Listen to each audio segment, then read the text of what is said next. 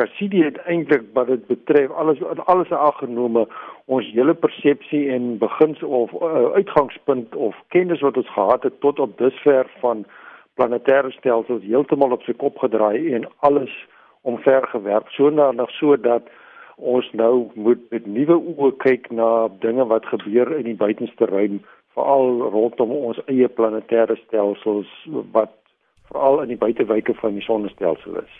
Nou wat is van hierdie voorbeelde van weet weet hierdie nuwe dinge wat Cassini ontdek het en wat die mens daardeur ontdek het? Die fokus van navorsing het hoofsaaklik gegaan om te kyk wat gaan aan op die oppervlakte van een van sy maane, naamlik Titan. So wat Cassini gedoen het, die inligting na ons toe gesend dat Titan eintlik 'n baie aardagtige omgewing is, baie soortgelyk aan die aarde miljoene jare gelede vloeibare oseane, vloeibare strome, mere ensovoorts. Wat Titan vir ons geleer het is dat dit eintlik 'n replika was van die aarde sê maar miljoene jare gelede voordat lewe of enige vorm van lewe begin ontstaan het.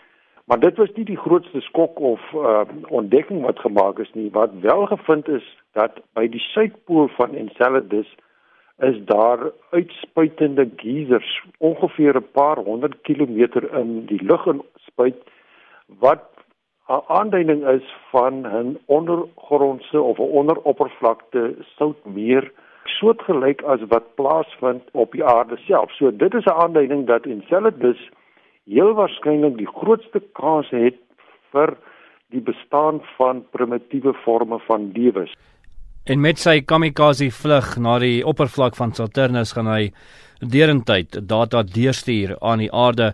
Maar wat is dan volgende? Watse landingstye of uh, missies kan ons dan volgende verwag? Die volgende sending gaan nou beslis wees om direk uit te vind watter forme van lewe daarop en Enceladus bestaan. So want Cassini was nie ontwerp gewees om hierdie tipe van uh, waarnemings te doen nie. So dit gaan nou die volgende uh, opdrag wees of die volgende doelwit wees met 'n uh, sending na hierdie maanstelsels en wat dan nou vir ons verder lig kan werp. Want die uiteindelike wat ons hieruit geleer het is dat die stelsels of die maane en die planete in die buitenste deel van die sonnestelsel is 'n hoogs interessante laboratorium wat kennis vir ons gegee het wat nog nooit voorheen uh, beskikbaar was nie en wat dus ook die weg gebaan het van hoe volgende sendinge na hierdie uh, planete toe moet ontwerp word en hoe dit die gedagtegang en ook die wetenskap beïnvloed het.